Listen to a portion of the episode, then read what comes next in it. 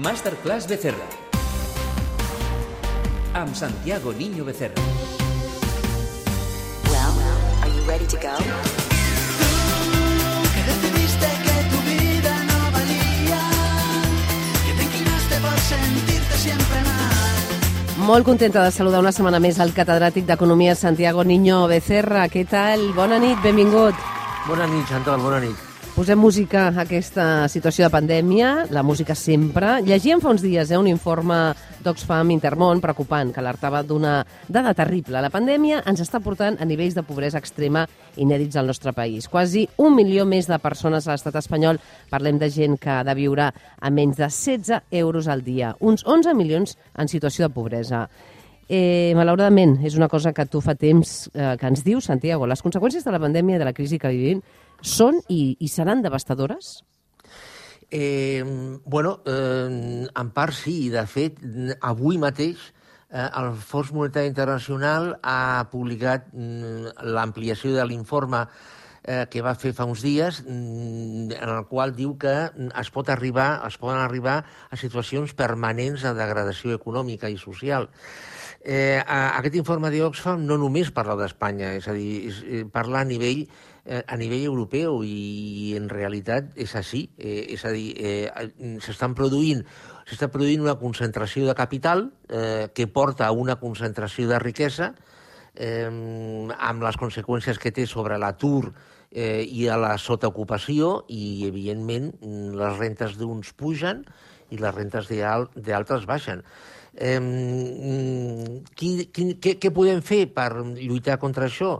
Bueno, pues la, la recepta de sempre, perseguir el frau fiscal, eh, per una banda, i, per altra banda, instaurar la renta bàsica. Uh -huh. És que no hi ha més. El govern català l'altre dia eh, va, va donar números del nou paquet d'ajuts eh, per a sectors afectats per la pandèmia, que inclou autònoms, pimes, treballadors en ERTO, però està clar que s'allarga i necessitaran més ajudes per evitar aquestes, aquestes xifres que estem parlant de, de pobresa severa.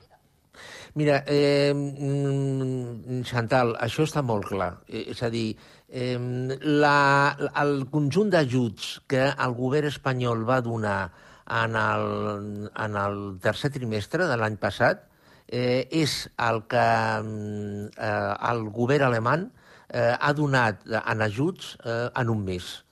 Eh, és a dir, no, no, hi ha, no hi ha color, està donant en un mes. És a dir, és que no hi ha color, Chantal, no hi ha color. Uh -huh. És a dir, aquí es veu que Espanya és un país molt limitat, molt limitat. Per tant, uh, faltaran ajudes i, i, mm. i, i no sé si som un pas a vegades de, de més manifestacions o de revoltes socials, perquè, perquè clar, uh, veiem l'altre dia, i tu volies destacar, em deies que el País Basc ha gastat més de 4 milions d'euros per comprar més furgonetes uh, pels antidisturbis. No sé si sí. això vol dir que l'administració pot preveure que hi hagi en un temps conflictivitat. I el, i, el, I el govern central de Madrid també eh, ha, ha comprat més, eh, ha gastat més diner, ha gastat, em sembla que són 300.000 euros en material antidisturbis. A, a veure, mm, la, una revolució com a tal, és a dir, això avui dia no és, està fora de tota, de tota consideració perquè no estem al segle XIX. Ara que hi hauran, eh, hi hauran problemes, hi hauran bueno, revoltes parcials, puntuals, etc etc. sí. Eh, em, em, per exemple, mirem el que està, el que està, el que està passant als Països, als Països Baixos. És a dir, eh, quan, quan hi ha problemes, hi ha tensió eh, econòmica, això, mm, tenint en compte el que hem comentat abans de que està augmentant la desigualtat i la pobresa, això ha de patar per alguna banda. Eh, I, evidentment, eh, és més fàcil mm, utilitzar antidisturbis per mm, frenar aquestes tensions que no bueno, perseguir el frau fiscal o, de moment, o instal·lar una renta bàsica. És a dir, el més fàcil és treure els antidisturbis al carrer.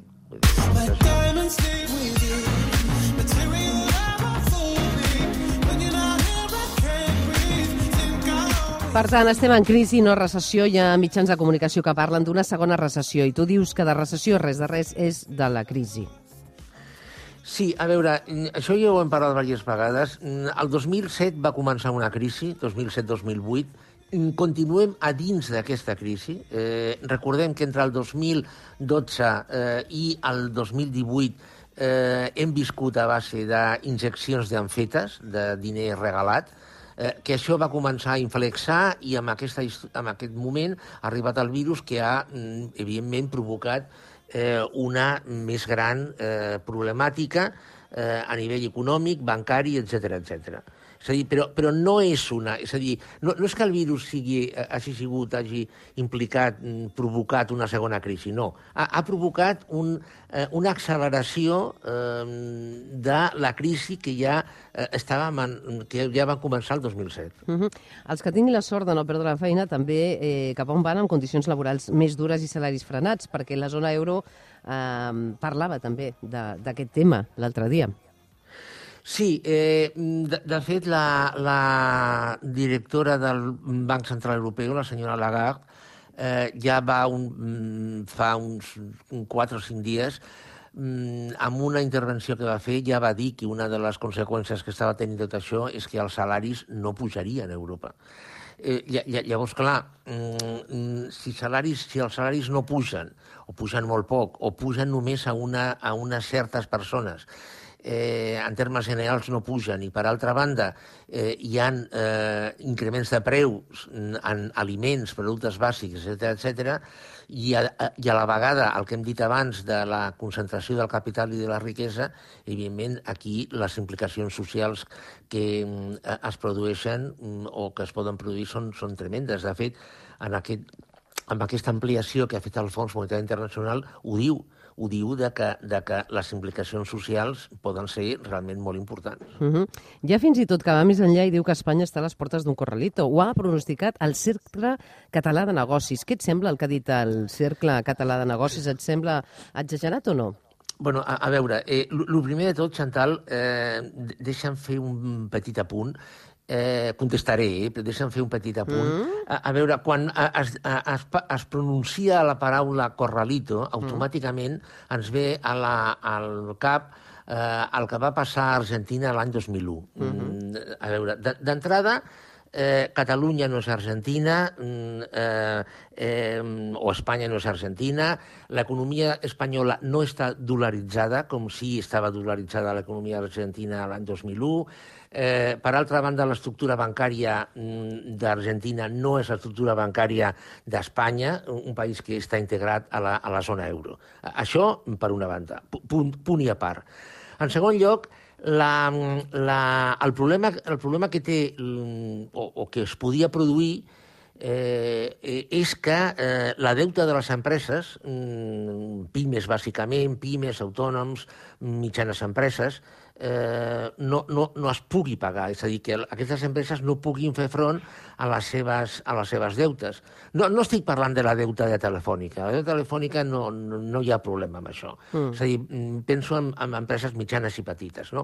Eh, eh, és a dir, els seus compromisos amb els proveïdors i amb la banca no eh, els puguin fer front, amb la qual cosa s'entraria en una dinàmica d'increment del, dels... De, jo, jo dic impagadositat. És a dir, diu Morositat bancària, no? Morositat bancària. Exacte. La, la morositat bancària es dispararia. Llavors, tenint en compte que el, el rati de capital bo de la banca espanyola no és alt, podrien haver problemes, eh, el sistema bancari podria tenir problemes. Això significa que un banc faci fallida? No. És a dir, això és impensable, perquè llavors hi hauria un pànic. Però, bueno, s'entraria, es podria entrar en un procés de rescat o de suport per part del Banc Central Europeu o, del, o de l'Estat. Ara, de cara a, la, a les persones, de cara al carrer, clar, això tindria una, un reflexe que podia ser una situació de, de, de, bueno, de tancament de bancs com es va produir a Xipre. Mm, Què va significar això? Mm, Això no va ser el corralito argentino, això el que va ser va ser que va, es va limitar, si no recordo malament, a 300 euros, la quantitat de diners que una persona mm, podia treure d'un banc cada dia. Clar. Això, això pot passar. Mm, Si passa tot el que hem dit abans, sí, això podria passar. Clar, perquè què significa molta morositat bancària? Però no m'has dit, si et sembla exagerat això de que Espanya està a les portes d'un corralito del Cercle Català de Negocis, Bueno, ho comparteixes o no? No, no, no, no em sembla exagerat, però és que això és un futurible. És a dir, si, si la, la, la morositat de les empreses es dispara, en el 2021 vindrà un corralito. És- a dir, amb aquest, amb aquest futurible, és a dir, que hi hagi un corralito, com hem comentat, em sembla possible. Em sembla possible. Eh, això seria dolent per a Espanya? Home, evidentment, seria dolent, clar. M- Més que res per la imatge internacional que això es donaria, que, que amb, amb això es donaria, no? Eh, però e- és possible, és possible. Perquè la fa... parlant de diners, no? la falta de liquidesa és la que està ensorrant també milers i milers de negocis. Exacte.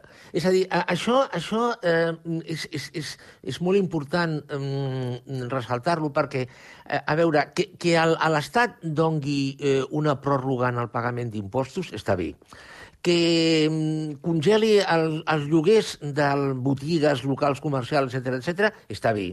Eh, em, que i, mm, avali crèdits mm, està bé. Tot això està bé. És a dir, està bé, no, no, no s'ha de negar.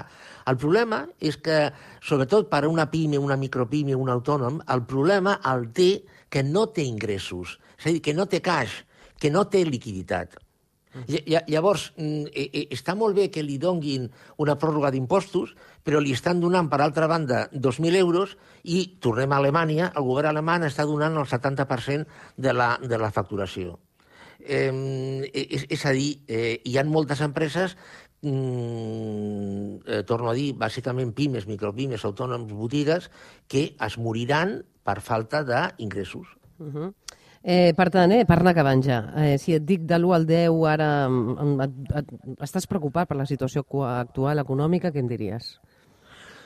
De l'1 de l'1 al 10? Mm. Home, sí, doncs un 7 i mig, eh, 7 i mig, 8, sí. Estàs notablement preocupat. Sí, sí, sí, Clar, uh -huh. clarament sí. És a dir, a veure, és que... mm, Eh, el, el, el que passa, Chantal, és que els polítics, i, i aquí el color és igual, eh, no, no estan explicant la realitat.